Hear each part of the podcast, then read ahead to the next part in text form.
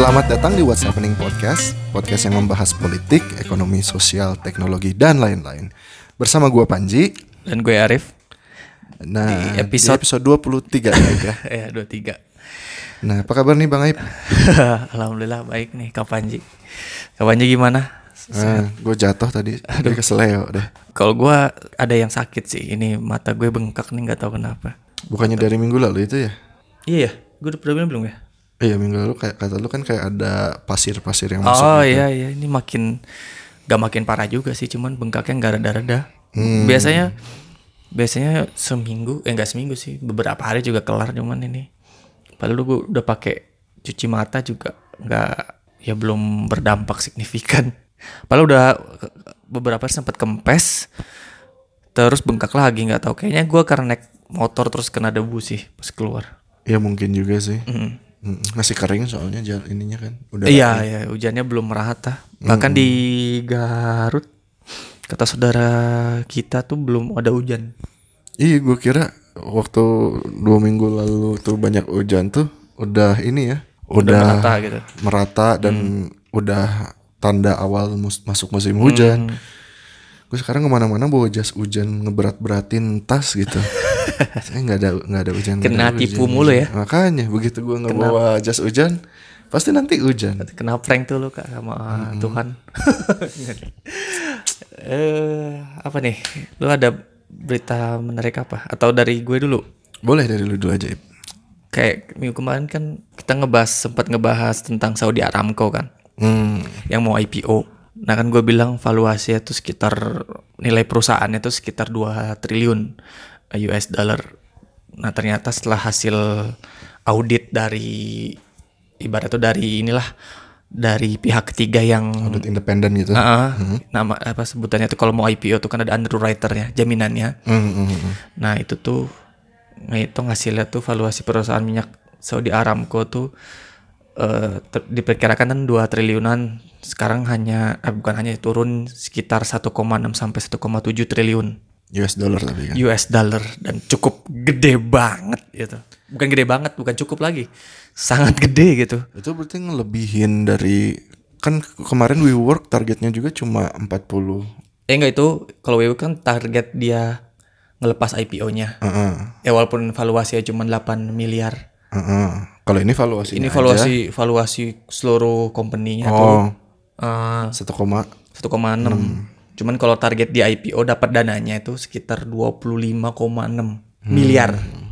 Jadi cuman dari 1,5 persen kepemilikan Adra apa ya, Saudi Aramco ini kan dijual nih 1,5 persennya. Dia harapin eh, diharapkan dapat dana itu sekitar 25,6 wow mili billion, Billion. miliar berarti. Miliar. US dollar. Itu melebihi IPO-nya Alibaba sih Alibaba. Siapa pun ya. Maksudnya itu kan sekarang Ya, the berarti most- jadi tertinggi kan? Ya the most valuable enggak valuable sih ya. Paling tinggi lah untuk Hmm. narik dana dalam eh, pasar modal.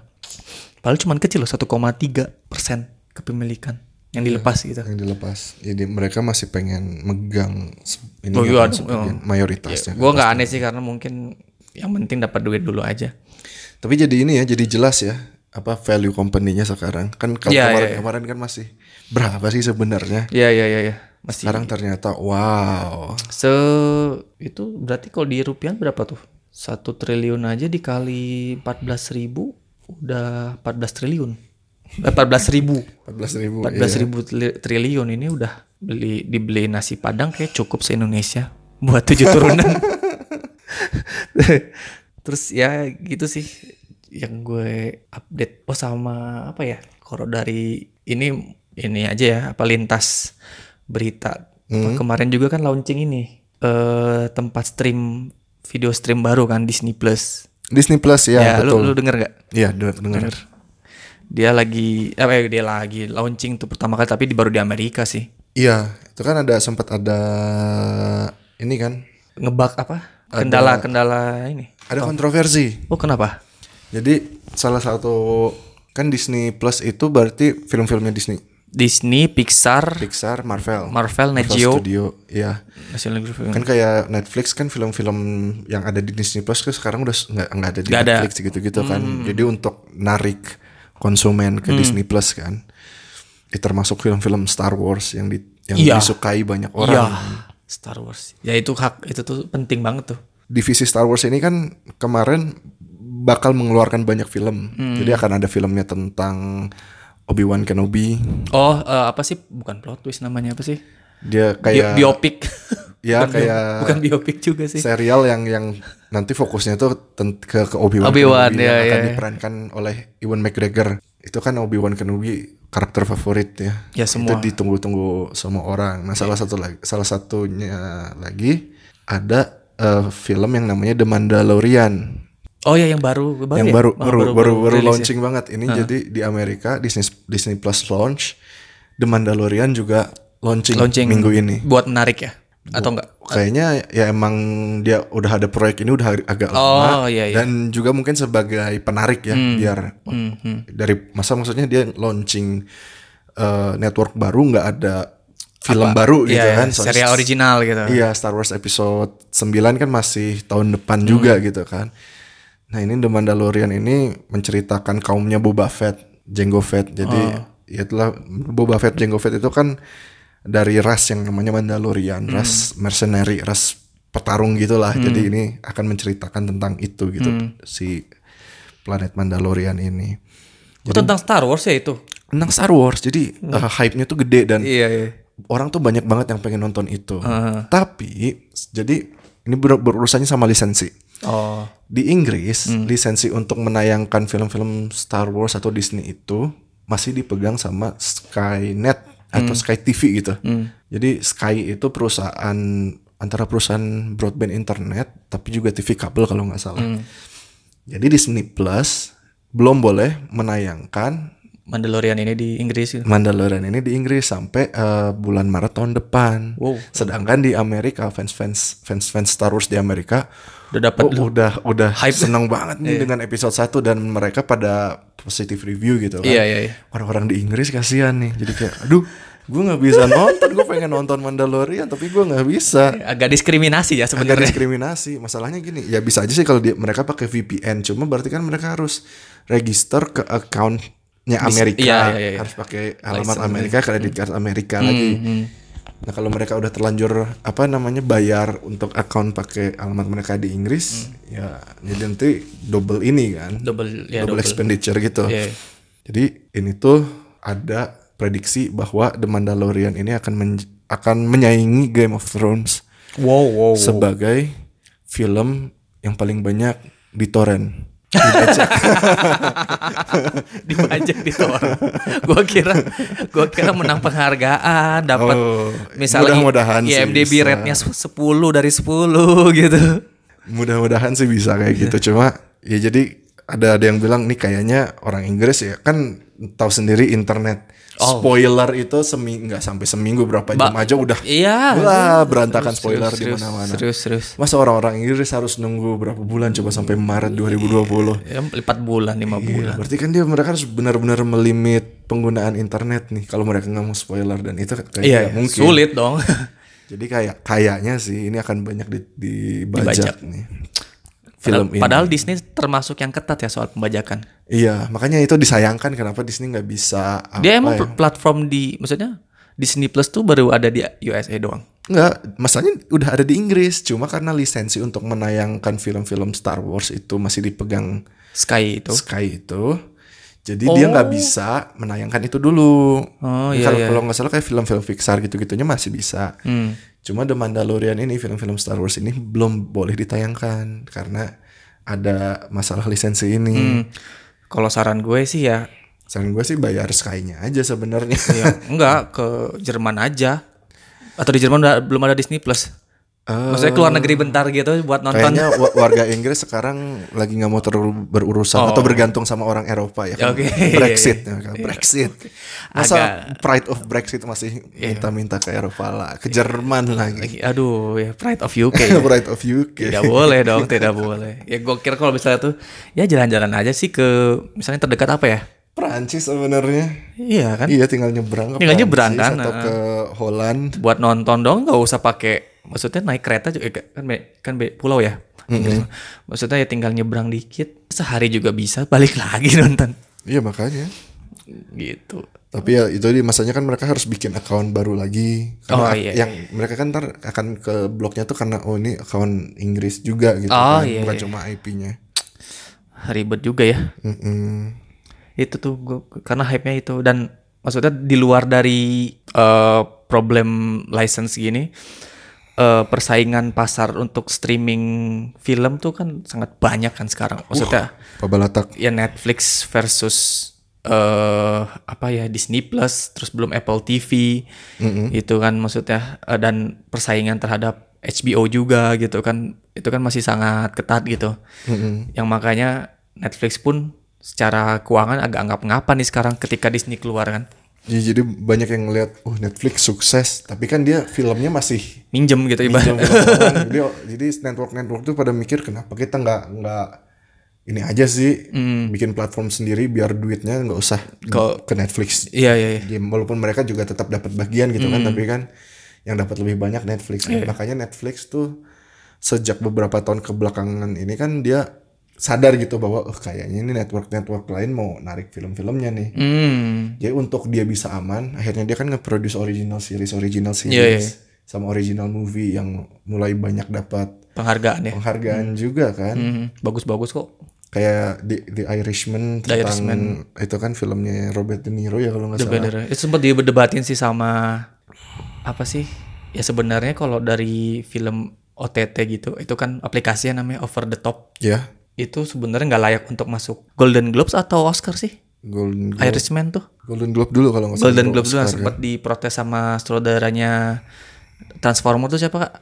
Michael Bay. Eh, Steven Seagal siapa? Oh, Steven Seagal, Eh, atau ada Steven Spielberg. Ah iya. Kok itu sih? Gue nggak hafal sih nama itu. Jangan itu sempat diproses kalau nggak salah. Ya nggak cocok lah ini kan khusus film gitu karena distribut pendistribusiannya juga beda gitu gitulah banyak banyak teknik-teknik yang Iya. itulah. Ada kalau- pro kontra juga lah. Tapi ada juga yang sutradara lama yang setuju-setuju aja nggak apa-apa kok. Karena gitu. mulai banyak kan maksudnya orang-orang aktor-aktor yang terkenal yang punya apa ya status di di dunia perfilman gitu yang mulai ke Netflix, mulai ke streaming-streaming gini ter- terutama Netflix sih ya. Iya Netflix. Ya kayak maksudnya The Irishman tuh Robert De Niro gitu loh. Iya. De Niro, De Niro leg- leg- legendaris banget kan. Iya iya. Mau gitu kan. dan dan emang production value-nya itu nggak sembarangan dari skripnya bagus, write ya ri- writingnya bagus, actingnya bagus, scoringnya bagus. Jadi ya sebenarnya selama itu film dan emang punya kualitas, menurut gua kenapa enggak gitu Iya, iya. kan? Tapi secara subscription kemarin gue kan abis ngapain ya nonton Bloomberg Channel terus tentang ini eh, launchingnya Disney Plus. Terus ya itu persaingan tetap eh, untuk subscription ternyata masih banyak dari HBO. H- HBO masih se- sedunia gitu HBO masih megang banyak masih megang. karena dia juga salah satu yang pemain lama kan. Maksudnya dia Ya, ya. banyak bikin dia bukan masalah content. bukan masalah intern apa subscription di internet dia TV kabel juga megang banget kan. Iya, dan kalau nggak salah kan HBO tuh kayak di Amerika nawarin jadi kalau lu udah apa ya beli paket TV Beli, kabelnya dapat HBO Go-nya secara Oh iya, gitu kok. secara bundling Iya, gitu bundling, dia, ya, dia ya. mainnya di bundling kan. Bener Jadi, bener bener. Lu, lu beli kab, TV kab, paket TV, TV kabelnya dapat yang buat Hmm. aplikasinya juga. Nah, di situ mungkin yang ngebantu banget dia gitu loh. Bener sih itu strategi bagus sih kok kata gue. Ya kayak kita yang zaman-zaman Games of Thrones yang last final. Dan masalahnya Game of Thrones itu tuh epic banget ya. Iya, itu iya. sangat-sangat membantu inilah apa standingnya HBO Iya, bener, di bener. antara yang lain. sangat membantu sekali. Makanya sekarang dia lagi kesulitan mencari film yang bisa Gantiin itu ya. gantiin itu karena Chernobyl itu film bagus banget. Hmm. Tapi itu mini series. En- 6 atau 7 episode udah selesai. Nggak akan ada nggak kayak HBO uh, Game of Thrones yang sampai 8 season gitu iya, kan. iya. Itu kan long term banget. Long term. Ya menurut gue Chernobyl nih patut dinominasiin nih. Soalnya bagus banget. Nanti deh gue kalau gue sekarang udah jarang banget nonton begitu-begituan deh. Gue juga jarang sih cuma karena ngelihat reviewnya online Ah. kan ngeliat, wih di Rotten Tomatoes bagus, di IMDb bagus. Jadi wah penasaran juga Hmm. Iya, iya. sama Chernobyl. Lagian gue juga seneng, gue mikirnya pasti ada ada science-science-nya lah. Iya ya. Gak taunya bener emang Bener, ada, ada. ada science-science-nya dan oh isu-isu yang dibahasnya tuh menarik gitu. Hmm, ada politik juga gitu. Ada politiknya juga. Oh Waduh. Nanti Ada Mikhail Gorbachev. Siapa? Itu apa? Itunya USSR, Yang ini aslinya. eh, pemimpin Pemimpin. USSR. Oh. Enggak, maksudnya di situ ada ada Figur oh iya iya. iya, iya. Mikhail Gorbachev. Zaman Uni Soviet. salah. Mm-mm. Eh Gorbachev ya, kalau nggak salah sih Gorbachev waktu itu. Terus apa lagi ya minggu kemarin tuh yang hits tuh Harbolnas sih. Sebelas sebelas lu dapat apa kak? Maksudnya belanja nggak hari belanja online nasional? Kagak. Gak gak nggak ada. Atau nggak tahu? Gua gua nggak terlalu ini belanja online soalnya. Gua, kan? gua lagi mengurangi belanja-belanjaan juga. Oh, Minimalism itu. sebenarnya positif sih itu untuk mendukung mendongkrak daya beli. Ya kan kalau di Cina kan Oh, ada yang Singles single. Day. Nah, yang itu kan kemarin sampai berapa? Terbesar ya tahun ini ya Singles Day. Ya terus meningkat loh itu. Itu Ya per tahunnya ya. 11, koma berapa Dasar billion? Jack Ma. Jack Ma. Eh, kenapa di sana sangat hype, di sini kurang gitu? Mungkin kalau di sana kayak orang itu kan di Cina lebih terikat dengan um, digital life ya. Kayak Hmm, hmm. mereka sekarang katanya sih kayak di toko-toko eh kota-kota besarnya tuh udah jarang bawa cash dan jarang bawa kredit card karena semuanya udah di HP gitu. Oh. Iya. Lu bayar apa-apa udah ada digital currency-nya. Bahkan ini sih apa masalah itu tuh ngaruh ke kita juga karena wisatawan Cina yang di Bali tuh mereka nggak bawa dompet. Iya nggak bawa dompet kan? Itu maksudnya kan bentrok regulasi aja sih kayak Iya. si Alipay atau We apa WeChat Pay Heeh. itu tuh nggak ada. Maksudnya kan yang duit-duit yang masuk kan dia belanja di Indonesia duit masuknya ke Cina kan aneh gitu. Iya. Jadi jadi harus si Alipay sama WeChat Pay ini tuh harus kerja sama sama Bank Indonesia. Mestinya kan gitu. Ya makanya itu sulitnya sih. Ya udah mereka udah cashless society-nya udah sangat Iya. Jadi sangat di mana-mana gitu. yang namanya ya makanya Alibaba cepat gedenya juga kan karena dia nge-push buat masyarakatnya udahlah belanjanya online aja. Jadi mereka lebih terbiasa gitu loh Hmm. Iya, iya, untuk belanja online. Kalau di kita kan kayak gue pernah eh, kayak ke seminar Hmm. ini ya entrepreneurship gitu. Misalnya kita jual barang, udah dikasih deskripsi yang jelas. Entar tuh orang yang ngechat masih nanya lagi hal yang udah tertera di situ. Oh ini ukurannya segini ya. Heeh. Oh ada warnanya ini ini ya. Heeh, sesuai yang tertera. Oke. Terus itu Terus oh nanti pengirimannya gimana kan di situ udah ada. Iya, Jadi iya, itu iya. tuh banyak pengulama masih kita kayak kalau kalau gue lihat sih dari situ masih ada ketidakpercayaan atau tentang trust. iya gitu kan trust. Ya karena dulu juga banyak penipu penipuan Ya, fraud Hmm, SMS SMS SMS gitu kan. Jadi ya tapi dengan adanya online shop sekarang yang punya kayak sistem verifikasi, terus kayak eh, guaranteed cashback kalau barangnya nggak sesuai, Hmm. itu aku sangat membantu orang Makin untuk aman ya. trustnya dan aman juga untuk sellernya, untuk Iya, bayarnya juga. Karena sellernya pun juga dijamin gitu kan kalau Hmm. misalnya apa konsumennya nggak bisa sembarangan juga mesen barang Iya, iya. tiba-tiba nge-reject tanpa alasan yang jelas gitu. Ada ini agak Uh, cuma di, kalau di Cina mah kan si Alibaba udah lebih dulu aja, makanya Oh. dia gede banget waktu Singles Day kan. Iya. Itu pendapatan. sebagai budaya baru sih. Iya. Ya kan maksudnya udah kayak ya di samping Natal dan tahun baru ya di akhir tahun tuh ada Singles Day itu gitu. Heeh, harga untuk para jomblo. Yo, ih. Gua harusnya ikutan. Kalau kalau kalau di barat kan kayak oh, eh kalau di Valentine's Day kan. enggak eh kalau di barat mah ini yang apa sih? Black Friday. Oh ya Black Friday. Kalau di Amerika Hmm. yang gila-gilaan gitu yang bisa berantem. gue kocak tuh kalau lihat videonya ya. yang yang ngantrinya sampai seharian. Iya, tapi kan mereka belanjanya offline ya, maksudnya. Eh, iya itu biasanya belanjanya masih ke department, department store. store. heeh. Itu menarik sih sebenarnya yang gitu-gitu tuh. Gua di satu sisi positif sih terhadap perekonomian gitu. Maksudnya untuk meningkatkan daya beli juga eh, bagi ya konsumen sebagai ya, ya masyarakat sebagai inilah makin meningkatkan bukan meningkatkan perekonomian maksudnya ada ada gej- gejala bahwa daya belinya meningkat lah gitu dengan adanya eh, event-event gitu sih jadi yang nantinya ngaruh ke perekonomian juga biar produsen pun ingin meningkatkan kapasitas produksinya gitu gitulah ada ujung-ujungnya. Ya, sebagai orang yang curiga yang curiga akan kapitalisme, gue sih nggak terlalu ini. kalau kalau gue di satu jiwa kapitalisnya ya bagus bagus lah udah aja. Kalian konsumtif aja. Gue sih enggak ya. Gue sih enggak. Bagus lah kayak misalnya zaman zaman sekarang cashless society. Itu sebenarnya mem bikin lu jadi hemat tuh makin boros sih gitu gitu sih. Iya sih, benar juga itu perlu di pelajari juga ya. Hmm. Tapi gue seneng tuh kalau ada cashback gitu. Oh, ya, terus belanja belanja kalian biar biar ekonomi kita tidak runtuh ya. Tapi gue aja sendiri menghemat. Mumpung masih disubsidi sama Maya- Masayoshi Son. Ya, Oke, iya ya, sama Mas Sayoshi San, sama Chinese money gitu kan, sama sama investor itu gak Emang apa-apa. bahayanya nanti begitu udah jadi habit susah berhentinya sih. Nah itu tuh makanya itu ya harus introspeksi juga sebenarnya itu memudahkan kalian atau malah menjadi kalian makin boros. Itu sih gue yang men- menyadari. Seperti yang pernah gue pelajari, Apa tuh? diskon 70% bukan Ah. berarti lu yang untung. Itu artinya pedagangnya masih masih untung 30%. Iya iya iya betul betul.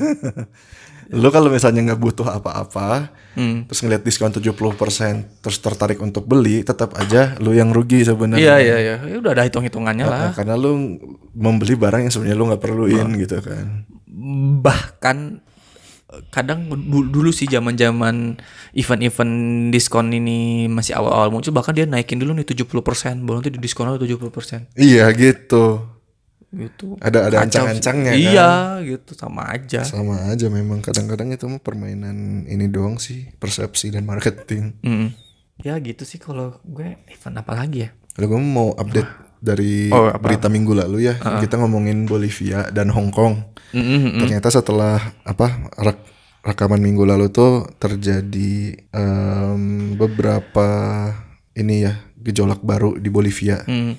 Jadi ternyata kan pendukung seperti yang gue bilang kan Evo Morales tuh masih punya pendukung, terutama karena dia orang asli Bolivia gitu, native Bolivian. Jadi banyak banyak orang-orang na- natifnya tuh yang masih membela dia Mm. dan orang-orang itu jadi bentrok sama polisi dan tentara yang mendukung Evo Morales turun. Mm. Nah itu tuh udah makan korban jiwa juga sekarang karena korban jiwa ya korban jiwa karena polisinya ya di Latin Amerika kan agak gampang ter- emosi eh, emosi dan pakai senjata, Senjata, ya. berbahaya ya. Iya. atau mereka dilegalkan untuk kayak gitu Nah itu dia nggak tahu. Iya, terus terus karena kan karena kan polisi dan tentaranya ngedukung Evo Morales turun. Terus sekarang ada satu senator dari oposisinya yang mengambil alih pemerintahan. Jadi interim presiden. tapi itu PLT presiden gitu atau Kenapa? pel- pelaksana tugas atau udah resmi jadi presiden? interim presiden. Jadi sebenarnya menurut gue belum. Namanya Jenin Anes ya, Agnes. Jenin Hmm. Cewek Agnes, kan ya? cewek iya. Dia tuh right wing politician. Hmm. Emang dari dulu dia katanya sih dari berita-berita yang gue dengar agak kurang suka dengan penduduk asli. Waduh. Makanya begitu dia apa ya mengambil jabatan sebagai interim presiden kan dia Hmm. bilang pada akhirnya Bible masuk lagi ke pusat pemerintahan. Bible. Iya, Oh, ya karena kan si Evo Morales kan orang native yang ya mungkin dia bukan Katolik yang setia atau gimana Hmm. gitu kan.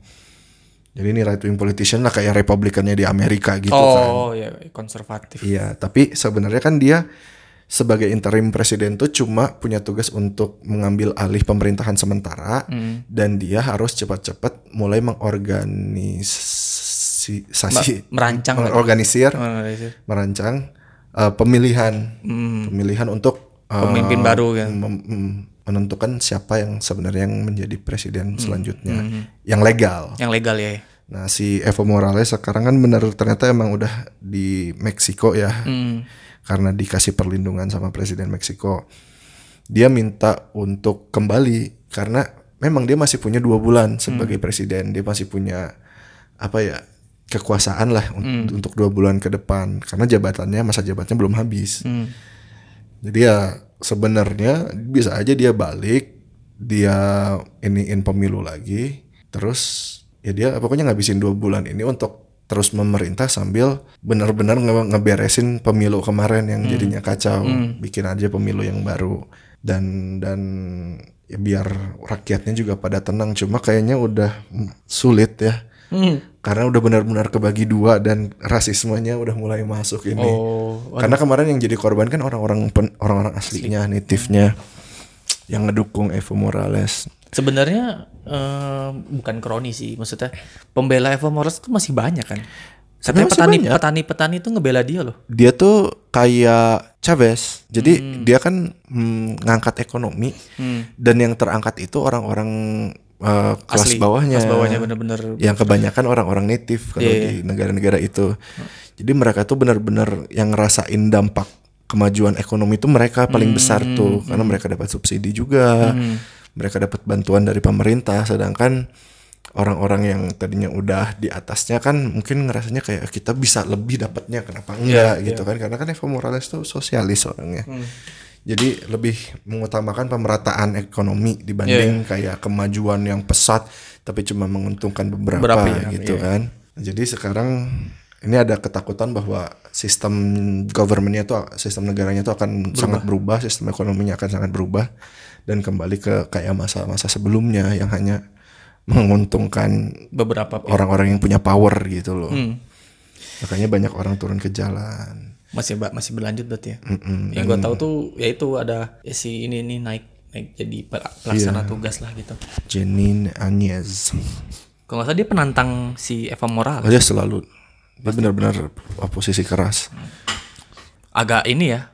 Sebenarnya kalau ketika oposisi naik tuh sebenarnya hmm, apakah itu benar pilihan yang tepat atau orang-orang ini tuh ya sebenarnya pengen Eva Morales aja turun. Cuman misalnya dari partai yang si Eva Morales ini eh sebenarnya ya apakah dia ingin Eva Morales ya turun atau ya emang pengen nyari penggantinya aja. Tapi kalau misal dari partai yang sama ya nggak apa-apa gitu. Kayaknya mereka mau mengambil alih government sih kalau kalau gue lihat ya. Ya enggak kalau oposisi kan gitu. Oposisinya, Cuman rakyatnya maksudnya Oh, rakyatnya, tuh yang demo tuh ingin Eva Morales turun atau emang udah diganti sama oposisi aja biar gitu gitu. Gue takutnya tuh ya yang penting Eva Morales turun. Misalnya nanti ada calon baru tapi dari partainya yang sama ya nggak apa-apa. Yang penting bukan dia gitu. Nah kalau kalau kalau kalau yang gue lihat ini tuh pendukungnya Evo Morales bukan pendukung partainya dia, pendukungnya Evo Morales. yang pengen turun. Ya, yang yang sekarang turun ke jalan. Oh gitu. Soalnya penduduk-penduduk asli yang ngedukung. Jadi ya gue nggak tahu sih ke depannya baiknya gimana buat Bolivia juga. Mhm. Kalau gue sih mikirnya ya jalan terbaik Evo Morales tetap balik. Mhm. Untuk dua bulan ini dia tetap jadi pemimpin kan jadi presiden, Iya, tapi dia harus eh, mau untuk turun dan menyiapkan suksesornya Iya, dengan baik gitu loh. Bener-bener. Sebenarnya Siapa pun itu dikasih ini- program-program lah. Ini kebalikan dari zaman Pak Harto sih. Dulu Pak Harto kan, kalau dia kan ini dia ngomong turun dulu baru kabur gitu kan, bukan kabur ya turun lah intinya. Setelah di ini kalau Pak Harto kan dia udah rencananya nggak akan ikut pemilu lagi tahun 97 Hmm. ya atau 96. Dia udah nyiapin suksesor, taunya keburu diturunin. Gak didesak. Hmm. Gak didesak militer lah gitu inisiatif turun. Mm-mm. Ya memang gue sih cuma pengen lihat aja si Janine Agnes ini bakal gimana. Oh, Apakah dia ngotot pengen tetap jadi presiden? Apakah dia rela untuk menyerahkan ini ke rakyat? Ya, ya, ya. Ya, takut, takutnya rakyat sebenarnya nggak pengen aja. Maksudnya kalau kan- posisi naik tuh sebenarnya ya nggak pengen. Gue pengennya ya. Ah, makanya menurut gue kan tetap paling baik tuh serahin ke rakyat. Iya Kan sih, Hmm. mereka kan udah demokrasi lah s- setidaknya. Ya udah maju juga maksudnya. Iya. Udah middle class udahlah, income. Iya. Serahkan aja ke rakyat. Tapi ya pemilunya kalau bisa benar-benar transparan gitu. Hmm. Lalu selanjutnya update dari Hong Kong. Eh, makin brutal ya Hmm. Iya, berita-berita yang gue baca. Jadi sejak minggu lalu kita kan ngebahas, ngebahas di episode 22 itu kan kita ngebahas ada protester yang ditembak sama polisi pakai peluru peluru timah asli gitu kan. Ya, senpi lah senjata. Ah, terus eh, untuk ngebalasnya protester juga ada ngebakar orang yang pro Beijing gitu kan dibakar sama pro demokrasi. Hidup-hidup? Iya hidup-hidup dibakar. Ya Allah. Jadi polisinya makin ngerasa wah ini perlawanan dari dari protesternya makin gede ini makin Hmm. brutal. Jadi mereka juga makin berani pakai kekerasan lah untuk menangkap protester-protester ini Hmm. Iya, kan dia juga udah ngebakar kereta, Hmm. udah ngeganggu lalu lintas segala macam. Iya, iya. Nah, selama ini kan protester itu punya markas. Hmm. Markasnya itu di kampus. Oh, biar- Kampus-kampus universitas Ya, ya. karena memang kayak ada perjanjian secara inilah secara bukan bukan perjanjian Tertulis, official iya. gitu ter- ter- tertulis cuma jadi kampus itu safe zone untuk protester Hmm. polisi nggak akan mengganggu gugat kampus kayak waktu protes kita di sini juga kan eh, demonstran-demonstran yang kena gas air mata Ya dibawanya ke dibawanya ke kampus Ya, ke sebagai Unisba gitu. eh, sebagai tempat amannya gitu Iya, kan di Hong Kong pun begitu Oh. jadi kampus itu udah jadi tempatnya protester ya. jadi safe havennya gitulah Hmm. tapi kemarin pertama kampus apa ya University of China diserang sama polisi Iya. dikepung protester-protesternya pada brutal kan pokoknya Iya. kita harus ngedefend ini kita harus ngedefend ini itu udah mulai bukan cuma pakai molotov gue ngeliat pakai panah Buset. karena di di universitinya ada archery department Wadaw. iya Pakai panah, panah. Iya. Oh. Panah bener, panah buat kompetisi sih. panah buat archery competition kom- gitu kan buat olimpiade Iya, gitu iya. gitu. Niat Cuma ini. Oh. dipakai buat nyerang polisi. Sampai polisi ada satu yang kena eh, betisnya kena panah katanya. Tembus gitu. Tembus. Makanya begitu ada korban Iya. terluka karena panah itu mm, dan dan molotov, mereka makin gencar ngincar universitas. Hmm. Nah, kalau dua hari eh dua harian yang lalu tuh yang lagi hot-hotnya tuh diserang tuh eh, Politeknik, Hmm. Eh, eh, Hong Kong Polytechnic University. Itu tuh Karena mungkin ya dikepung Iya. dan di dalamnya tuh protesternya tuh udah kayak apa ya? Gue lihat ya udah benar-benar terorganisirnya tuh edan lah. udah kayak divisi perang aja gitu ya. Eh, iya, jadi ada di di chemistry labnya gitu mereka bikin bikin molotov. Iya. Jadi ada molotov division gitu. Terus di hallway hallway lorong-lorongnya gitu, itu tuh molotov udah disiapin aja di pinggir. Oh, Jadi eh, bo- botol iya, yang iya. udah diisiin bensin udah dikasih eh, itu atasnya kain gitu, udah disiapin. Hmm.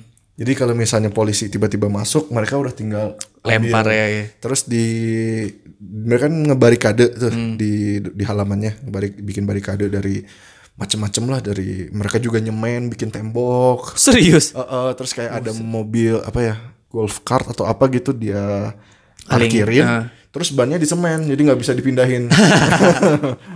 si Jan bisa aja. mobil-mobil gitu tuh di, diberhentiin di semen banyak biar nggak bisa dipindahin.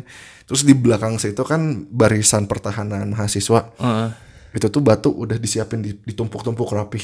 Jadi jadi ceritanya kalau misalnya polisi nyerang orang-orang tinggal ambil aja batu bata-bata itu udah disiapin ya tinggal dilempar tinggal dilempar. Uh itu mah udah persiapannya edan edan pisan. Tapi polisi sekali. Sekali polisi dia coba nerobos pakai eh, mobil baja Heeh. cavalry gitu ya. cavalry-nya gitu kan buat buat ngancurin blokade kan. Heeh. Emang blokadenya sempat hancur tapi begitu dia tembus itu langsung bener dilemparin pakai molotov. Dadar dadar gue ngeliat mobilnya langsung kayak kebakaran gitu ya. Untungnya sih karena itu mobil yang emang buat perang juga kayaknya Iya. didesain buat perang. Jadi kena molotov orang di dalamnya polisinya masih Safe ya. safe lah. Cuma kalau kita ngelihat dari gambar dari videonya tuh kayak wah edan pisan gitu. Ada di, di YouTube. Ada di YouTube terus ada video orang mana sebelum di panah tuh Heeh. di depan anak panahnya tuh dililitin kain yang di- udah di eh, minyak ya? bensinin, Bensinin ya. dibakar itu gue ngeliat orang manahin panah-panah berapi Kayak gitu. zaman dulu ya gitu perangnya. Heeh, terus bata-batanya juga ada orang bikin katapel gitu Iya, kan iya. katapel jadi ada dua orang megang karet Heeh. Terus tengahnya ada satu orang yang ng- ngatapelin bata jadi kayak benar-benar warfare banget lah Gua gue berani jamin itu yang pakai panah dia ngegambarin apa ngebayangin kalau dia tuh Legolas sih. Iya tuh. gue sebagai archer juga ya gue pernah belajar memanah Lu pengen ke sana? Kan lu, lu kan lu punya hobi archery dulu juga, Kak. gue gue gini gue pengen nyobain sesekali manah api Hmm. maksudnya ngelepasin anak panah yang berapi tapi targetnya bukan orang. Oh. targetnya targetnya kayak buat nyalain obor olimpiade ke Oh, iya, atau ya buat itu loh buat kayak bikin apa ma- nyalain api unggun Iya, gitu. tapi kalau gue harus manah polisi mah enggak sih kayaknya. Tapi gue pengen banget nyobain manahin api gitu sih. Nah itu juga yang agak disayangkan kan kenapa mereka harus ekstrim itu. Iya karena jadinya simpati terhadap mereka makin lama tuh makin berkurang Iya, dan iya, si iya. Jinping makin lama makin panas. Benar benar. Gue takutnya tuh Tentara tentara Cina kan udah mulai masuk ke Hong Kong, Oh, udah. tapi kemarin alasannya untuk ngebantu ini nge-clear jalanan kan di jalan tuh penuh batu sampah ya. ya. Heeh, jadi tentaranya masuk buat mungutin batu-batu biar jalanannya bisa dipakai lagi oleh warga Hong Kong. Jadi Alasannya masih ya mereka mereka main image baik dulu gitu Iya, kan. iya, iya. Cuma kan kalau terus-terusan kayak gini, Carrie Lam-nya juga masih bilang kita nggak akan mundur. government nggak akan mundur. Terus polisinya juga kan berapa kali udah nyerang masuk ke universitas tuh waktu subuh-subuh. Hmm. Udah berani gitu bahkan. Udah berani. Gue bingung ininya loh kok gitu. Logistik masuknya gimana gitu. Itu sempat sempat ada dikirim-kirimin sama orang-orang yang Yang ngedukung mereka. eh, Mereka juga sempat ngirim pesen ke teman-teman yang di luar katanya. Tolong bantu kita kita dikepung, tolong bikin diversion. Jadi hmm, teman-temannya akhirnya di enam titik berbeda bikin kerusuhan kecil-kecilan biar konsentrasi polisinya kebagi-bagi. Oh. Nah saat-saat kayak gitu katanya sempat digunain buat uh, Masukin beberapa orang kabur juga masukin apa namanya uh, konsumsi segala macam Iya. amunisi. Karena di dalamnya tuh benar-benar ada kayak hallway gede gitu. Hmm. Di situ tuh tempat barang-barang logistik. Gue ngeliat di satu sisi itu ada uh, bagian minuman. Hmm. Di sini tempat makanan, di sini tempat buat bikin molotov, Wadah. di sini tempat sarung tangan, di sini tempat Eh. buat apa masker, sama uh, kacamata pelindung. iya. Jadi udah udah benar-benar dibagi-bagi. Jadi orang yang misalnya, eh gue belum dapat masker nih Ah, ke situ, iya. eh gue lapar minta minum dong ke situ, eh gue mau bikin molotov ke situ. Gue butuh ada ledakan nih. Jadi udah udah di diorganisir bagus-bagus terus Iya, iya. Orang-orang bertugas buat ngelemparin molotov tuh dikasih tempat latihan di kolam renang eh, kampusnya. Oh gitu. Di kolam renangnya kan udah disurutin buat mereka latihan lempar-lempar katanya gitu. Jadi serius bener Iya. iya. buat buat mereka protester ini. Jadi Tapi ya khawatir gue. Pada akhirnya kan eh, konsumsi menipis. Iya iya. Gak setiap saat. Maksudnya mereka gitu kayak gitu kan gak bisa terus-terusan ya. Nggak bisa terus-terusan ada Karena siege. ya kampus kan bisa dikepung gitu dari beberapa sisi Iya, gitu. mereka udah sulit buat nerima supply masuk. Hmm. Jadi em, Carrie Lam bilang nyuruh mereka buat nyerah. Hmm. Dan dengan nyerah itu mereka nggak dibiarkan pergi. Mereka ditangkap karena Carrie Lam takutnya mereka tetap ini kan brutal di tempat lain. Gue denger tuh, eh gue baca tuh ada yang kayak baru mau masuk ke kampus langsung ditangkap di take down gitu loh. Iya, karena udah dianggap simpatisan gitu Iya kan. iya iya. iya. Terus kan nggak semua protester itu de orang dewasa ya. Masih banyak orang yang kayak umurnya 13, 14 Millennials ternyata. banyak loh yang itu. Mm-mm. Jadi sempat polisi itu ngasih kesempatan kayak kalian yang di bawah umur keluar sekarang kita nggak akan apa-apain mereka dijemput sama orang, Orang tuanya. tuanya. Tapi kalau yang dewasa yang 18 tahun ke atas Gak dipeduli. kalau mereka keluar ya udah ditangkap. Iya, iya. Jadi kemarin tuh Udah sempat ribuan kok yang ketangkap. iya sempat ada kayak usaha buat breakthrough gitu kan. Ya masalahnya kan mereka juga bikin barikade itu m- menyulitkan mereka buat kabur juga sebenarnya Iya, pada iya. akhirnya. Jadi ada usaha buat kabur gede-gedean sempat kemarin itu tuh bener-bener kayak perang ya. Jadi butuh begitu banyak orang lari-lari lari-lari Ah. polisi langsung nembakin gas air mata. Jadi mereka juga mau kabur sulit kan Eh, karena nggak bisa ngelihat juga Iya, gas air mata segala macam terus teman-temannya yang emang udah kerja sama sama mereka di luar tuh udah nyiapin pada pada bawa motor gitu kan Iya, jemput jemput. Wih, dijemput jadi ada yang uh, begitu keluar dari kampus langsung ke motor wah, langsung kabur ngeliat Iya. videonya tuh wah Gue takutnya tuh ya inilah darurat militer gitu langsung kalau darurat militer bubar kayaknya. Ci- Cina udah siap-siap Iya. karena udah 6000 uh, tentara kan di di Shenzhen udah Hmm. disiapin tapi sekar sampai saat ini masih di apa ya uh, kewenangan itu masih dikasih ke kepolisian Hong Kong Hong Hmm. Kong Police jadi di sekarang udah mulai banyak yang keluar demonstrannya protesternya banyak juga yang udah ditangkap tapi yang di dalam pun masih nggak sedikit Hmm. makanya masih banyak yang ya, bubble gitu lah Iya. Ah, gua- berharapnya gue beres sih. Gak beres sih maksudnya ya. Reda dulu lah. Iya kan, kasihan sampai eh, kepala universitasnya tuh sampai sampai negosiasi ke polisi, tolong dong kasih kesempatan buat mereka keluar. Hmm. Kata polisinya kita kasih mereka keluar, cuma ya mereka udah, udah harus tahu konsekuensinya. Mereka udah udah nyerang kita pakai molotov, udah nyerang kita pakai panah. Itu tindakan Anarkis. kekerasan Kekerasan, ya. Ya mereka harus membayar itu katanya. Kalau mereka keluar dengan damai, kita juga mau keluar dengan damai. Kita juga akan ngasih nggak akan ngapa-ngapain gitu. Kita juga akan mencoba damai. Cuma kalau mereka keluar dengan keras, ya mau nggak mau kita ya, ya. harus ini melakukan sesuatu yang represif lah gitu Iya, iya. kira-kira. Jadi kasihan juga sih Hong Kong ini nggak Gak dapat bala bantuan ya. Nggak jelas ke depannya bakal kayak gimana. Karena menurut gua protester itu fight a losing battle gitu. Hmm. Tapi hmm, beberapa pengamat bilang ya kalaupun maksudnya ter- ter- terkait ekonominya ya, maksudnya ketika Hong Kong beres tuh ya bakal bangkit lagi sih ekonominya. Iya selama mereka bisa beres, cuma kan Bisa beres ya, ini nggak beres-beres. Nggak ada yang jadi Cina sama warga Hong Kong itu kan ada ketidaksamaan visi ke depannya. hmm, Cina pengennya Hong Kong akhirnya jadi bagian Cina, hmm, warga Hong Kong yang protes ini pengennya Hong Kong jadi negara demokrasi. ya ya. Negara ya, bukan bagian. Maksudnya city state. Oh, city. Jadi nggak nggak mau jadi bagian Cina, Hmm. pengennya demokrasi. Hmm. Nah itu yang sulit untuk dipertemukan kan itu karena Iya. kalau udah masuk bagian Cina ya dia harus ngedengar sama yang absolut yaitu Komunis Party Komunis. yang diketuai oleh Xi Jinping. Orang sekarang aja oh, bangsa-bangsa Uighur aja masih nggak jelas kan kabarnya kayak gimana. Itu tuh bangsa-bangsa yang sangat-sangat tertindas loh. Tapi kemarin Uighur ada tuh. pengusaha kita yang ke sana sih ke daerah daerah Uighur tuh di mana sih? Eh. Provinsi apa ya? Pokoknya jadi di provinsi itu tuh ada 30% penduduknya tuh mm, rakyat Uighur Iya. dan mm, dan di sana tuh ini eh, apa masyarakat apa eh, masyarakat itu ya tertata sih. Maksudnya kan takutnya ada radikalisasi. Nah di provinsi itu tuh gimana cara ya biar menekan paham radikal ini tuh dikasih pekerjaan gitu gitulah. Sebenarnya memang yang sempat ada kan bagian kecil dari mereka yang kemakan radikalisasi. Iya Karena waktu itu pernah ada memang kelompok militan Uighur yang pergi ke ini sih kayak ke stasiun kereta api terus membuat kerusuhan oh yang makan korban. iya iya, iya. Nah makanya Xi Jinping langsung ngomong kita nggak nggak nggak akan ngetoleransi yang gini-gini gitu kan.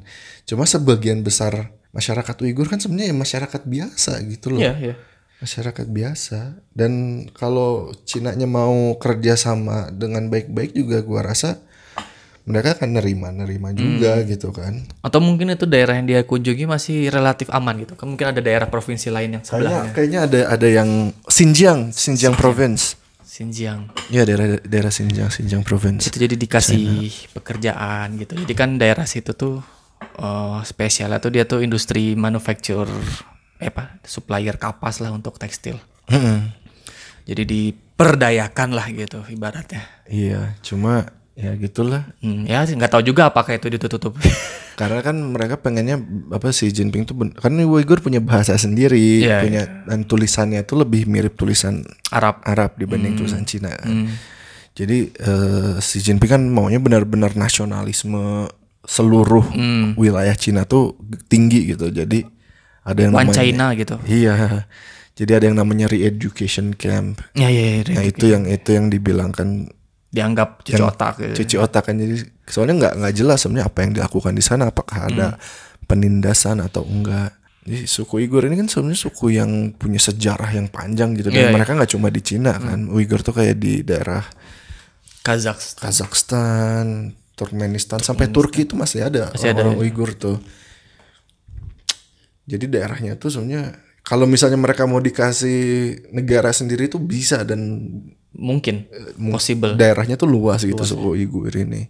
Sama aja kayak Kurdi. ah, ya. Yang sebenarnya mereka suku gede yang terpisah Hmm. sama apa ya teritori negara yang di- dibangun sama PBB gitu Iya, kan.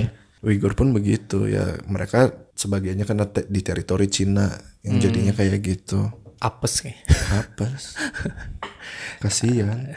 terus ada apa lagi kak update luar negeri Luar negeri kemarin ini eh, Trump ya kita ngomongin Trump sebentar.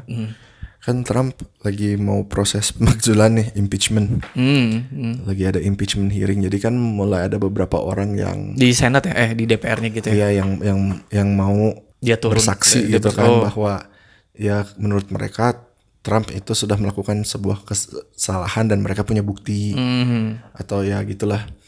Nah, sebelumnya kan meeting-meeting untuk impeachment ini dilakukan secara mm, tertutup Hmm. oleh House Intelligence Committee-nya di di Amerika ya. ya Di House of Representative itu.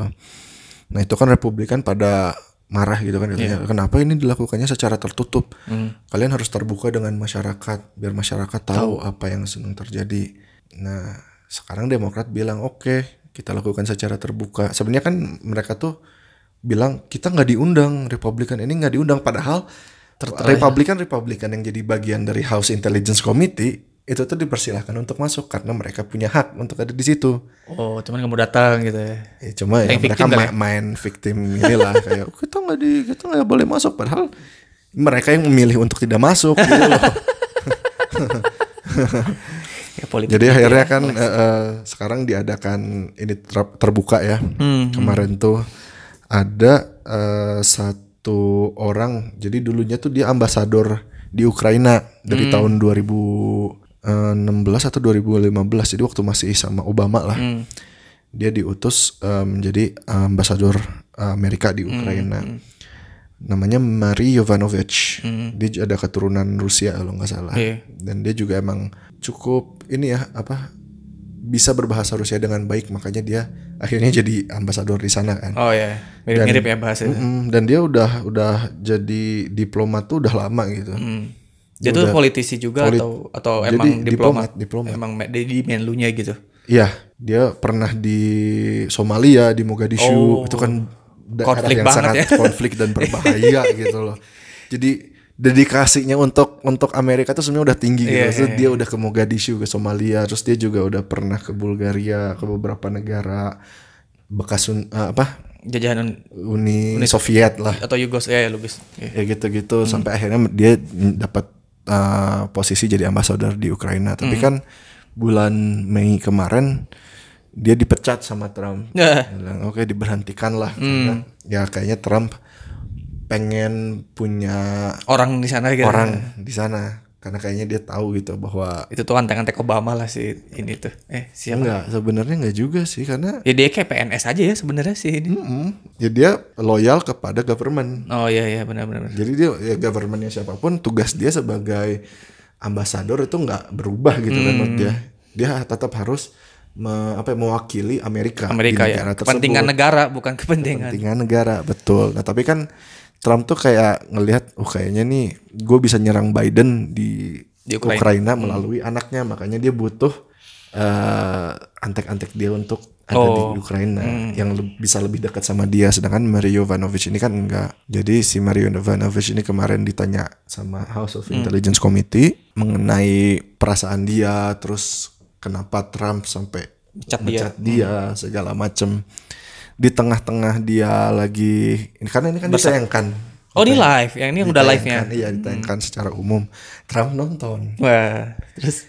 Ya tahu sendiri Trump egonya rapuh gitu kan. Jadi begitu ada kritikan dikit dia nggak nerima. Dia langsung nge-tweet. Dia langsung nge-tweet nyerang si Mario Ivanovich. Ini. Iya. kayak kredibilitasnya dia diserang terus dia bilang kan, apa yang telah dia lakukan di Somalia? Apakah dia udah memberi dampak positif maksudnya Somalia itu bukan bukan isu yang bisa diselesaikan dengan gitu aja gitu kan sebenarnya itu kan aduh ya terus, terus. ya gitulah Oh dia Nah terus defend. orang ya, eh, jadi dia tuh nyerang si Mario Ivanovich ini saat si Mario Ivanovich Lagi lagi, bersaksi. di, lagi bersaksi lagi ditanya-tanya sama House of, eh, House Intelligence Committee ini. Hmm. Kayaknya Demokrat ini udah udah bisa nebak ya. Hmm. Kayaknya Trump ini bakal Tersulut. sesuatu Eh, iya. eh, tersulut. Jadi dia kayaknya nugasin oh ah, kayak anak-anak buahnya gitu lah Nih. senator-senator tuh anak buahnya tuh ditugasin buat oke monitor ya si Trump gimana. Jadi begitu si Trump nge-tweet Eh, eh, kalau nggak salah representatif Adam Schiff gitu ya. hmm. Yang langsung kayak eh, motong sebentar gitu kayak bilang saat ini Presiden. presiden Anda Donald Trump sedang men- menyerang Anda di, di Twitter. Bagaimana perasaan Anda? Saya dia bilang saya merasa terserang. Oke, terus ya saya merasa terintimidasi. Dia langsung kayak twing gitu kayak, oh Anda merasa terintimidasi? Karena kan ada yang namanya uh, witness intimidation itu crime Oh gitu. di Amerika. Iya. Jadi kayak itu tuh dulu zaman zamannya mafia. Hmm. Jadi kalau ada member of mafia atau member of the public yang mau eh, apa ya bersaksi untuk menjatuhkan mafia dan mafianya tersebut ngeintimidasi, Intimidasi, ya. itu dapat dapat pasal lagi, dapat hukuman yang Oh, iya, lebih iya, gede iya, lagi yaitu witness intimidation. Heeh. Jadi saat saat kita mau melaporkan kri- tindak kriminal, kalau kita diserang, kalau kita diintimidasi, kita tuh bisa melaporkan itu karena itu benar-benar apa ya tindakan yang jelas-jelas tindakan Mengancam ya. pengancaman, Pengancaman, yang, yang, yang punya hukuman. Hmm. Nah di situ si Adam Schiff bilang, oh Anda merasa terintimidasi. Terus langsung eh, setelah setelah rapat ini para Demokrat bilang, ya kan jelas bahwa presiden kita tuh mengintimidasi Saksi. saksi ini. Pinter ya. Pinter jadi dia nanya, menurut Anda bagaimana apa tindakan Trump ini terhadap Anda? Apakah apa yang akan dirasakan oleh eh, saksi-saksi berikutnya katanya? Ya menurut saya mereka akan terintimidasi. Oh, gitu. Ya, terima kasih. Oh. Jadi Jawaban yang diinginkan ya keluar ya. jadi sekarang gini, eh, Republican bil Republican bilang eh, Demokrat tuh nggak punya basis untuk nge-impeach Trump, untuk memakzulkan Trump. Sekarang Demokrat bilang dia udah melakukan witness intimidation. Itu tuh dasar yang sangat jelas untuk impeachment. Kalau sebelumnya Demokratnya punya amunisi, Iya. sekarang dia ada amunisi yang jelas. Ada kunci ya. gitu ya. Heeh. Waduh. Witness intimidation dan saat kita rekaman ini kalau nggak salah mestinya lagi ada rapat di House of Intelligence Committee yang akan mengundang empat orang lagi gitu salah satunya tuh Gordon Sondland jadi salah satu diplomat yang diutus sama Trump ini Oh dia yang, sekarang. Trump banget gitu Oh, iya, iya. yang diutus sama Trump untuk EU sih untuk European Union Oh. cuma dia jadi uh, point of contactnya antara Trump sama Hmm, penghubung. ya. penghubungnya antara Trump sama Ukraina. Terus dia juga yang yang yang kayak ditelepon sama Trump gitu buat buat nanyain apakah si Vladimir Zolo- eh, Zelensky yang Zelensky yang presidennya Ukraina mau apa eh, ngikutin permintaan Permintaan kita, gua. eh. Eh, dan si si Gordon Sondland ini nggak tahu kenapa itu kan telepon dari pres- presiden itu sesuatu yang sensitif ya. Hmm. Saat dia ditelepon sama Trump, dia tuh lagi di restoran di public space. Iya iya. Ditelepon sama Trump, diangkat dan orang yang lagi sama si Volodymyr Zelensky ini Hmm. ada yang namanya Oh Trump nelfon si presiden Ukraina tuh di tempat enggak dia nelpon eh, Gordon Sondland ini Gordon Sondland. eh, yang yang jadi point of contact Ah, contact man-nya gitulah. Hmm. Jadi dia tuh nelpon si Trump nelpon Sondland Hmm. saat Sondlandnya lagi di restoran di tempat umum dan Trump itu ngomongnya keras sampai ada uh, US official diplomat yang lagi sama Sondland tuh bisa ngedengar apa yang Trump katakan. Di Kiev. Di Kiev. di Kiev Ukraina. Iya. yang di mana di situ tuh masih kekuasaannya Putin tuh masih gede. Jadi spy itu bisa aja ada di situ. Iya, bisa aja yu- apalagi Gordon Sondland itu udah jelas-jelas US official yang pasti di- diketahui oleh pemerintah Rusia, gitu. Rusia ya buat intel gitu. Iya, jadi bisa aja ada orang yang ngikutin mereka Iya, sebenarnya. Dan Trump ngomong keras-keras gitu di telepon. Sondland juga it- itu nggak tahu apakah itu secure line atau enggak. Cuma kan kondisinya tuh bukan kondisi aman Iya iya. buat yang dia berkomunikasi sama presidennya Amerika Hmm. gitu loh. Dan ngomongin hal penting gitu. Dan ngomongin hal penting. Makanya aneh juga. Ini Gordon Sondland yang akan di ditanyain terus ada juga yang namanya Alexander Vindman dia tuh udah orang militer yang udah expert soal Ukraina lah soal national security Ukraina. Dia juga yang ada di ruangan saat eh, Trump nelfon Volodymyr Zelensky. Makanya testimoninya Alexander Vindman ini bakal penting Ma- banget. Penting banget. Mm-mm. Karena dia orangnya nasionalis. Jadi dia nggak nggak setia sama presiden, dia setianya sama negara.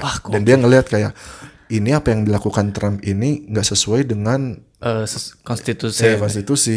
Dan ini memba- bisa membahayakan negara. Jadi dia mau maju. Gokil ini Tapi orang yang namanya musuh Trump sama Republikan akhirnya kredibilitas dia dicoba dijatohin, jatohin. Hmm, menarik menarik menarik. Menarik, makanya Kita ini tunggu minggu depan kayak bakal Iya kan saat kita rekaman ini baru Mulai. baru mau atau baru mulai gitu nih tentang hearingnya ini. hmm, Jadi gua akan monitor ini. ini kita rekaman tanggal 19 November malam-malam. Emang pasti di di Amerika masih pagi kan. Mm-mm. Beda 12 jam kurang.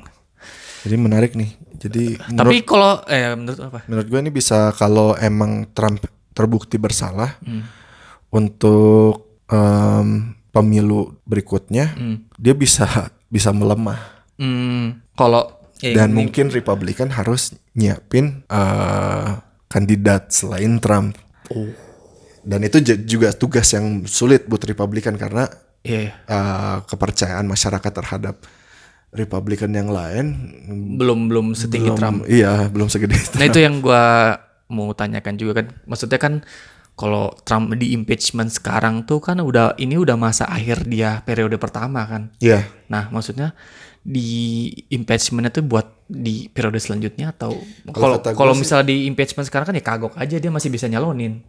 Eh, kalau kata gue gini, jadi dia di impeach itu kemungkinan kan proses impeachment nggak nggak singkat ya, Ya panjang sih. panjang. Tapi kan eh, masa jabat Trump juga sebenarnya nggak nggak nggak masih agak lama nih sebenarnya kan karena ini masih ada pemilu. Hmm. Kayak waktu Trump juga kan abis menang pemilu nggak langsung Trump kan Obama masih cukup lama megang office kan. Iya iya iya. iya. Nah, menurut gua proses impeachment ini bukan untuk kayak udahlah kita cut Trump tengah jalan, enggak, tapi untuk uh, motong kesempatan dia untuk nyalonin lagi. Hmm, motong kesempatan Jadi atau ya menurunkan menghentikan, menghentikan. Jadi biar atau menurunkan Kalau ini, misalnya- men- menurunkan suara dia gitu.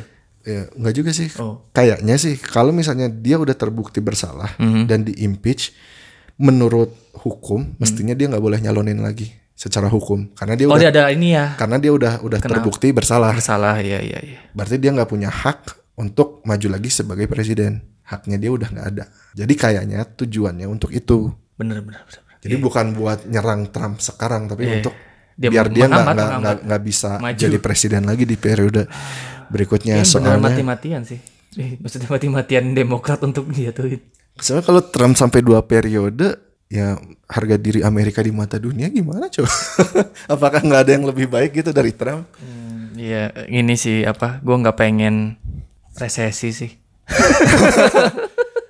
Ya maksudnya keputus ya kata gue juga Trump itu bukan politisi biasa ya. Iya. Kalau politisi biasa tuh dia masih apa ya, yang penting buat bukan cuma buat gue tapi buat misalnya gue melakukan semua buat kepentingan Republikan Hmm. atau misalnya gue melakukan semua untuk kepentingan Demokrat. Hmm. Kalau Trump tuh gue melakukan semua untuk kepentingan gue. nggak peduli negara, nggak peduli Republikan. Yang penting guanya gitu kan. Image dia. Ya, ah, jadi Entertain presiden. Terus ini sih apa? Yang menyangkut Trump tuh kayak emang kayaknya ya terkait trade war juga. mm, Ya Cina nih kan mengulur-ngulur tuh supaya inginnya tuh berharap presiden berikutnya. ya, Trump, ya makanya kayak dia Iya sih, gue juga mikir kalau misalnya Trump nggak berhasil jadi presiden berikutnya, berarti kan trade war sama Cina bisa batal. batal atau bisa ya maksudnya ngikutin yang sebelum-sebelumnya aja atau bisa diselesaikan dengan lebih cepat. Hmm. Soalnya Trump itu kan keras banget ya orangnya. Dia nggak mau kelihatan dia yang lemah gitu kan. Iya, iya. Terus masalah dengan Kim Jong Un juga mungkin bisa lebih ada kejelasan. Kayak kemarin kan Trump bilang relationship kita sama North Korea tuh udah baik karena saya. Tapi kan buktinya enggak. Enggak, enggak. Enggak ada deal yang mencukupi kok. Terus Paris Climate uh, Agreement. Accord agreement itu tiba-tiba dia keluar. Ya, Trans-Pacific uh, Partnership juga TPP. keluar. Heeh. Tapi TPP mah di Amerika agak-agak di kurang ya. kurang nggak terlalu populer itu. Nah, yang populer lagi yang yang yang kontroversial sih sebenarnya yang uh, Iran nuclear deal. Hmm. Sampai saat ini kan negara partner-partner negara Eropanya masih megang itu. Hmm. Tapi Amerika kan udah ngasih sanction ke Iran sampai sekarang kan akhirnya pemerintah Iran itu harus naikin harga BBM. bensin 300%. Buset. Gara-gara dia nggak ada Gara-gara iya, karena dia nggak bisa ngejual barang minyaknya dia. dia. Iya, iya. Jadi pendapanan negaranya tuh kurang. kurang banget. Jadi dia mengharapkan duit dari eh, masyarakat dari dari Hmm. penjualan bensin ke masyarakatnya ini. Pemerintahnya bilang duit ini akan kita balikin lagi ke masyarakat yang memerlukan. Iya, Jadi iya. logikanya dia orang yang beli bensin orang yang mampu. Kalau Oh, bensin dan iya. naikin sampai 300%, Iya. berarti orang yang beli bensin orang yang mampu.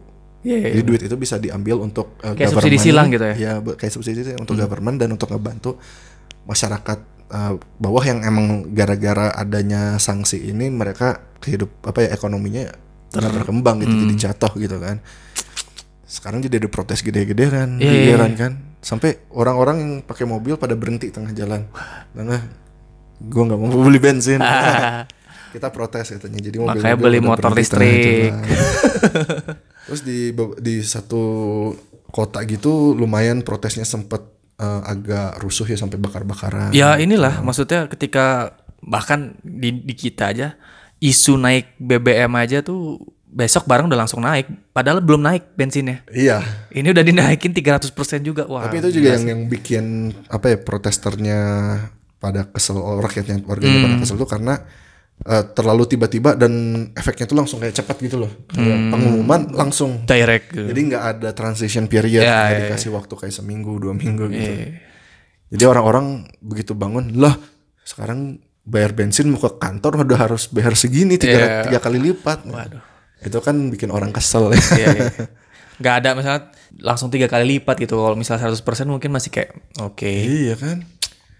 Makanya mudah mungkin Iran juga berharap makanya Presiden Rouhani masih apa ya agak belum melakukan sesuatu yang ekstrim banget. Iya, iya. Itu karena mungkin masih mikir ya, kalau bukan Trump mungkin kita bisa apa ya mm, merayu Amerika buat apa ngebuka restriksinya, Restriksinya. dan kembali menaati perjanjian Iran nuklir deal Hmm. itu.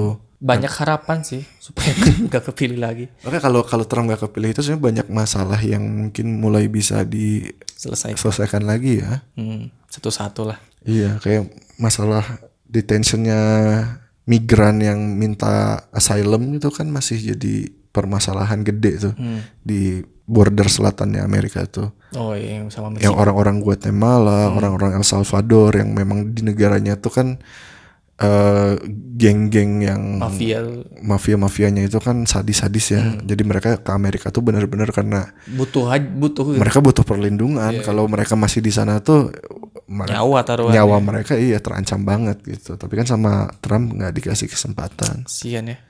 Dan sama ya jadi mereka tuh nggak ada kejelasan. Mereka nggak bisa balik ke negaranya. Mm-mm. Mereka nggak bisa masuk Amerika. Jadi mereka ngambang aja di di Meksiko. Dan di Meksiko kan juga yang namanya gang violence tuh masih gede Tinggi gitu ya. Mafia. Jadi orang-orang yang lagi nunggu itu sebagian ada yang akhirnya diculik, ada yang diperas juga sama gangster-gangster Meksiko. Jadi ke- keadaan mereka sekarang tuh nggak jauh beda sama keadaan mereka di rumah. Iya iya iya. Ya tapi mau balik juga taruhannya nyawa gitu. Balik juga taruhannya nyala, nyawa. Hmm.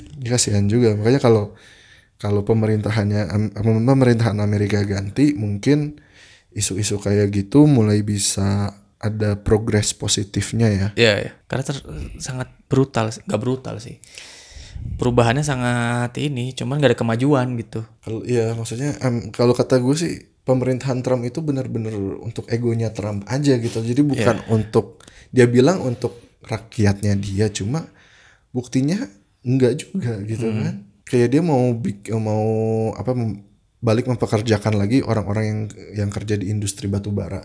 Cuma demand batu bara udah nggak gede. Iya iya. Bahkan Jadi orang-orang tersebut juga akhirnya nggak nggak nggak banyak yang dapat job pekerjaannya balik terus dia bilang tax cut itu akan akan ngebantu para apa ya para penambang ini penambang batu bara ini. Karena perusahaannya akan dapat insentif untuk untuk terus produksi. Nggak taunya kan perusahaannya pakai tax cut ini untuk ngasih bonus ke eh, apa manajer. manajer manajerialnya dan untuk beli mesin-mesin baru. Iya iya. yang jadi yang pekerjaan 10 orang akhirnya bisa dilakukan oleh dua orang plus satu mesin. Kan lebih lebih mengutamakan efisiensi dibanding livelihoodnya orang-orang. ini gitu kan Jadi nggak begitu efektif ya. Masih dipertanyakan. iya jadi ya ke apa kebijakan-kebijakan Trump ini masih harus dikaji ulang apakah sebenarnya baik atau enggak Hmm, gitu ya dari Trump Watch kita. Trump Trump Watch Watch What's Happening podcast. kayaknya minggu depan bakal banyak ini sih eh, berita mengenai impeachment ini Ada lagi kak? Itu aja dulu kali ya. kayaknya itu dulu ya Oke. gua mah Eh, gue juga udah tadi awal-awal doang berita-berita dikit. Eh, sekian dari eh sekian episode kali ini. Mohon maaf jika ada kata-kata yang salah dan kurang menyenangkan dan apa ya data-data yang kurang pas gitu mohon dikoreksi. Ya sekian dari kita. Sampai jumpa episode selanjutnya. Shining out.